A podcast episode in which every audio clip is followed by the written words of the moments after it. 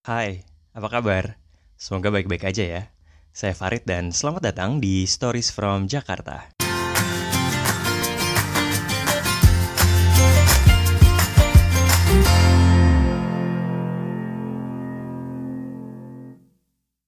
Sebagai seorang tour guide, pandemi COVID-19 ini sangat mempengaruhi kehidupan dan pekerjaan saya tentunya ya. Biasanya saya bikin tour di kota Jakarta, bisa city tour setengah hari yang mengunjungi tempat-tempat wisata seperti Monas, Kota Tua, sampai juga tempat-tempat belanja. Bukan hanya itu, saya juga biasanya bikin walking tour alias tour jalan kaki di beberapa tempat yang menarik di Jakarta. Mulai dari Glodok, Menteng, Pasar Baru, sampai Blok M, Jatinegara, bahkan terjauh itu Cilincing di utara juga Bogor. Walking tour ini biasa diadain reguler, hampir setiap hari untuk umum. Siapa aja bisa ikut kok, turis luar negeri, domestik, atau bahkan yang ikut juga sering kali adalah orang-orang Jakarta sendiri. Nah, karena pandemi COVID-19, semua pekerjaan jadi hilang deh. Turis nggak ada yang bisa masuk ke Indonesia, apalagi ke Jakarta, karena pembatasan-perbatasan ya. Dan walking tour juga nggak jalan, karena ya kan kita dilarang berkerumun ya. Sebenarnya sebagai tour guide juga saya nggak mau sih ketemu banyak orang. Apalagi pas awal-awal kan di rumah aja tuh ya pas PSBB. So basically I didn't have any income at all. Sama sih kayak semua teman-teman tour guide saya, nggak ada income sama sekali ya. Ketika PSBB mulai diberlakukan di Jakarta di bulan Maret, masih nggak kepikiran kalau pandemi ini tuh bakal berlangsung sampai akhir tahun. Mikirnya kan, well it might take two or three months. Dan untungnya saya tuh udah punya pegangan untuk sekitar tiga bulan tanpa pemasukan. Tapi tetap aja sih mikir, harus ada pemasukan ya kalau mau survive. Lewat Twitter akhirnya saya nge-tweet kalau saya tuh kangen nge-guide, kangen juga nge-tour walking tour, kangen ketemu sama orang, kangen ceritain sejarah, nunjukin bangunan bersejarah, nunjukin kuliner yang enak yang ada di kota Jakarta. Eh, tiba-tiba salah satu orang yang pernah ikut walking tour dulu tuh ngasih ide untuk bikin tour virtual memanfaatkan Zoom, Google Maps, pakai Street View gitu deh. Waktu itu sih masih bingung ya, like how do I do that? Boro-boro pakai Zoom. Google Maps kan biasanya cuma kita pakai buat nyari jalan ya. Akhirnya nyobain deh, karena udah sebulan gak ngapa-ngapain. Ngulik-ngulik lah, gimana sih bikin tour virtual, gimana sih pakai Zoom, dan akhirnya bisa juga tuh. Pertama kali kita trial di akhir bulan Maret atau awal bulan April. Saya inget banget waktu itu saya buka pendaftaran buat orang-orang yang mau ikutan tour virtual ke Menteng atau juga Cikini. Jadi tour virtual tuh gini, saya buka Zoom, saya undang semua peserta untuk masuk, terus kemudian saya share screen. Nah, di share screen itu saya tunjukin Google Street View. Jadi saya jelasin atau saya ceritain hal-hal yang bisa kita temuin di sekitaran kita, baik itu di jalanan, di samping kanan samping kiri, atau ada bangunan sejarah yang menarik, atau ada kuliner yang unik yang ada di sekitarnya. Nah, tentunya peserta mendengarkannya juga dari Zoom gitu kan. Nah, pertama kali saya coba, waduh itu perasaannya kayak saya baru pertama kali nge-guide. Deg-degan setengah mati karena banyak kekhawatirannya. Kalau dulu waktu pertama kali nge-guide kekhawatirannya adalah mungkin saya lupa ceritanya atau tiba-tiba jalanan macet atau hujan atau ada demo gitu kan. Lebih ke ketakutan kalau tour tidak bisa berjalan mulus. Tapi kalau misalnya tour virtual ini ketakutannya tuh beda lagi bukan masalah tentang fakta-fakta yang akan saya ceritain, tapi lebih kayak hal-hal teknis. Kayak misalnya internet yang naik turun, yang tiba-tiba mati, atau tiba-tiba saya kelempar. Kita tahu ya, internet di Indonesia kan, bahkan di Jakarta aja yang ibu kota, itu nggak lancar-lancar amat ya. Kadang-kadang suka putus di tengah jalan. Kan malu juga ya, itu saya bikin, itu bikin saya tuh keringet dingin banget. Belum lagi kalau misalnya di tengah-tengah saya lagi tour, saya lagi cerita, tiba-tiba nge-freeze atau nge-hang dari zoomnya atau dari Google Street View-nya. Aduh, itu rasanya udah deg-degan banget. Padahal turnya itu cuma satu setengah sampai dua jam lebih jauh lebih pendek dibandingin kalau misalnya saya bawa tour biasa. Kalau buat tour biasa kan bisa sampai setengah hari ya, dari jam 9 pagi sampai jam 3 sore. Atau bahkan kadang-kadang dari jam 8 nih, saya udah standby di hotel sampai jam 6 saatnya si tamu itu makan malam. Tapi ini yang cuman waktu 2 jam aja, saya tuh keringet dingin banget. Cuman ya udahlah ya, namanya juga mau survive, namanya juga lagi kondisi kayak gini, kondisi sulit lah. Jadi semuanya juga dicoba aja lah modal nekat gitu kan. Dan surprisingly, ternyata yang daftar banyak. Waktu tur pertama kali saya buka, itu yang daftar ada sekitar 20 orang. 20 orang ini orang Indonesia loh. Mereka bahkan yang orang Jakarta yang udah biasa ngelihat Menteng atau juga ngelewatin daerah Cikini. Tapi kayaknya mereka juga udah bosen ya di rumah aja, nggak bisa keluar, nggak bisa ketemu sama banyak orang. Akhirnya mereka jadi nyari sumber hiburan yang lain dengan cara si ikutan tur virtual ini. Oke, okay, saya mulai tuh tur virtualnya sekitar jam 10 pagi.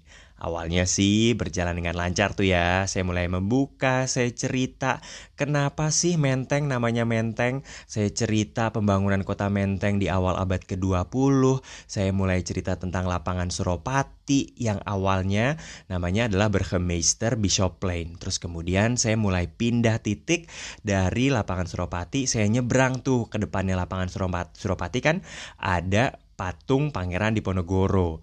Kenapa sih ada patung pangeran di Ponegoro?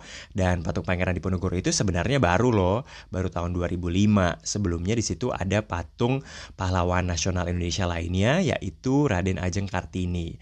Dan cerita tentang patung pangeran di Ponegoro ini kemudian saya ceritakan sedikit sejarahnya Perang Jawa dan kenapa Pangeran Diponegoro ini penting banget jadi pahlawan nasional. Pas saya lagi asik-asik cerita, saya mau pindah kan dari titik Pangeran Diponegoro, patung patung Pangeran Diponegoro, saya mau pindah nih, saya mau cerita tentang Gedung Bapenas. Karena Gedung Bapenas ini ternyata menarik banget. Mulai dari dulu itu adalah loji Freemason, terus kemudian digunakan jadi tempat sidang mahkamah militer luar biasa untuk pelaku G30S. Eh, tapi tiba-tiba begitu saya klik nih si zoomnya nggak mau pindah dong. Dari patung pangeran Diponegoro dia nggak mau pindah lokasinya ke gedung Bapenas aduh itu saya udah mulai tuh netes keringet di punggung tuh udah mulai basah. Deg-degan. Aduh ini gimana ya? Karena kan tur harus berjalan terus dong ya. Dan karena itu tur virtual jadi nggak bisa ada jeda tuh. Saya harus ngomong terus. Saya akhirnya buka tuh uh, kolom pertanyaan kan Q&A buat peserta yang mau nanya ada satu dua yang nanya tapi saya masih belum bisa mengatasi gimana caranya supaya saya bisa pindah lokasi. Eh, akhirnya nggak bisa tuh pindah lokasi ke Bapenas. Akhirnya harus di skip lah ke lokasi berikutnya yang mau saya ceritakan, yaitu Museum Perumusan Naskah Proklamasi. Untungnya bisa begitu saya klik cus pindah ke depan Museum Perumusan Naskah Proklamasi, saya cerita deh tentang pentingnya gedung Museum Perumusan Naskah Proklamasi yang dulunya sebenarnya adalah rumah Laksamana Tadashi Maeda dan di situlah proklamasi kemerdekaan Indonesia ditulis sama para founding fathers kita, Bung Karno, Bung Hatta, dan juga Pak Ahmad Subarjo. Dari situ saya pindah kemudian ke sekolahnya Presiden Amerika Serikat ke-44 yang juga ada di daerah Menteng, yaitu di Jalan Besuki, yaitu Presiden Obama, tepatnya di SD Negeri 01 Menteng. Saya ceritalah tentang tahun kapan sih sebenarnya Pak Obama tuh ada di situ sampai ketika beliau mengunjungi SD itu di tahun 2017 sama anak-anaknya. Selesai lah tur itu satu setengah jam.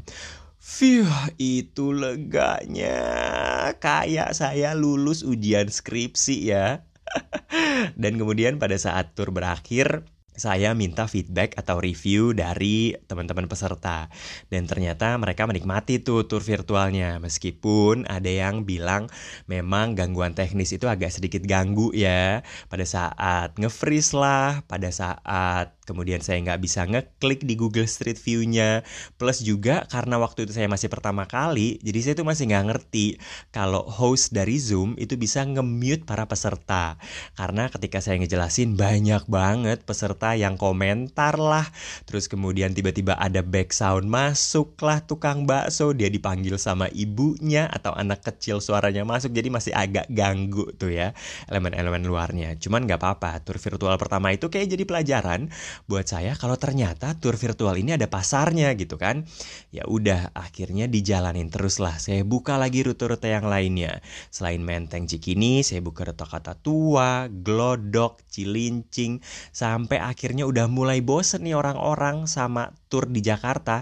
Akhirnya saya mulai buka tur ke luar negeri alias tempat-tempat yang pernah saya datengin dan peserta ini penasaran kira-kira kalau misalnya mengunjungi tempat itu apa sih yang dilihat, apa menariknya dan apa cerita dari kota yang ada di luar negeri.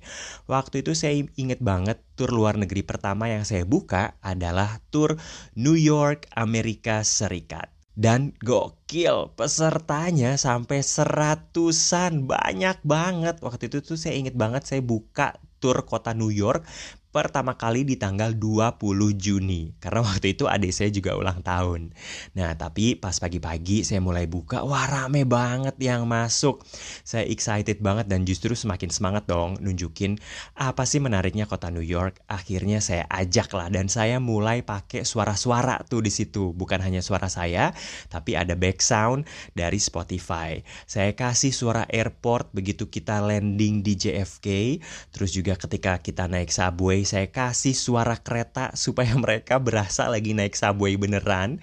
Dan ketika lagi di Times Square, saya kasih suara keramaian biar berasanya kita di Times Square beneran gitu kan di kota New York di Amerika Serikat. Padahal mah tetap aja adanya di rumah masing-masing. Sambil saya ceritain juga apa sih yang harus dikunjungin kalau misalnya kita ke kota New York. Mulai dari Central Park, kemudian The Met Museum, sampai lokasi ditembaknya legenda The Beatles yaitu John Lennon. Turnya berakhir dua jam dan seru banget. Feedback dari pesertanya seru banget, positif dan mereka sangat menikmati. Karena mungkin ya udahlah ya, kapan lagi bisa jalan-jalan di guide ke New York, tapi kitanya juga tetap di rumah aja. Oh iya, untuk tour virtual ini sistemnya kita PSU Wish alias bayar seikhlasnya atau sepuasnya deh. Berapa aja silahkan transfer. Dengan cara inilah akhirnya saya sebagai tour guide survive sampai di bulan Agustus, September, Oktober, dan juga November. Jadi sepertinya pandemi ini mulai meredefinisikan kita cara kita traveling. Saya, menurut saya sebagai tour guide, tour virtual sih tidak bisa ya menggantikan wisata asli. Karena kan kalau kita wisata asli, kita beneran ada di lokasi. Kita beneran bisa mencium aroma kota tersebut, aroma pasar. Kita berinteraksi sama orang lokal, bisa mencicipi jajanan, nyobain minuman, ngambil foto, pokoknya semua pengalamannya real. Tapi tour virtual ini tentunya nggak real dong, karena kita cuma natap layar selama satu setengah sampai dua jam gitu. Yang real adalah cerita dari si tour guide-nya atau pemandunya. Saya nggak bilang tour virtual bisa menggantikan wisata asli, tapi tour virtual ini bisa jadi pelengkap lah. Seperti kayak misalnya kita ada rencana nih, udah nabung mau jalan-jalan ke luar negeri, New York, London, Paris, Budapest, atau ke mana pun deh.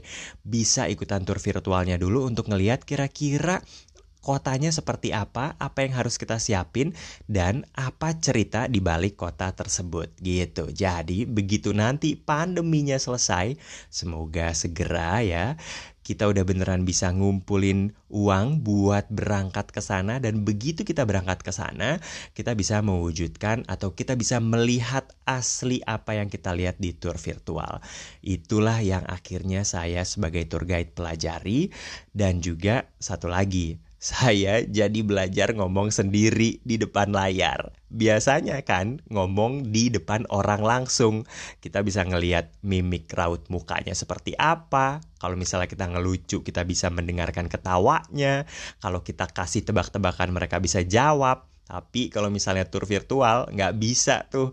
Kita udah berasa halusinasi aja begitu kita ngelucu, halusinasi kalau peserta ikutan ketawa ya.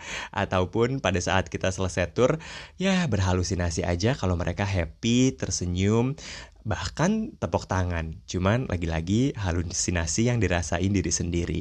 Tapi tetap puas karena bisa membuat orang jalan-jalan meskipun di rumah aja, mengatasi kebosanan selama pandemi COVID-19.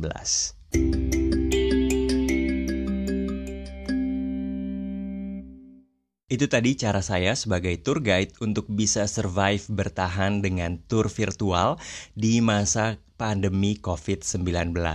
Tur virtual ini bisa dilakukan kapan aja dan di mana pun. Mau lagi di mana pun bebas bisa ikutan, kita bisa traveling ke berbagai tempat tanpa kita harus meninggalkan rumah. Dan saya mendapatkan inspirasi itu dari salah seorang followers Twitter saya.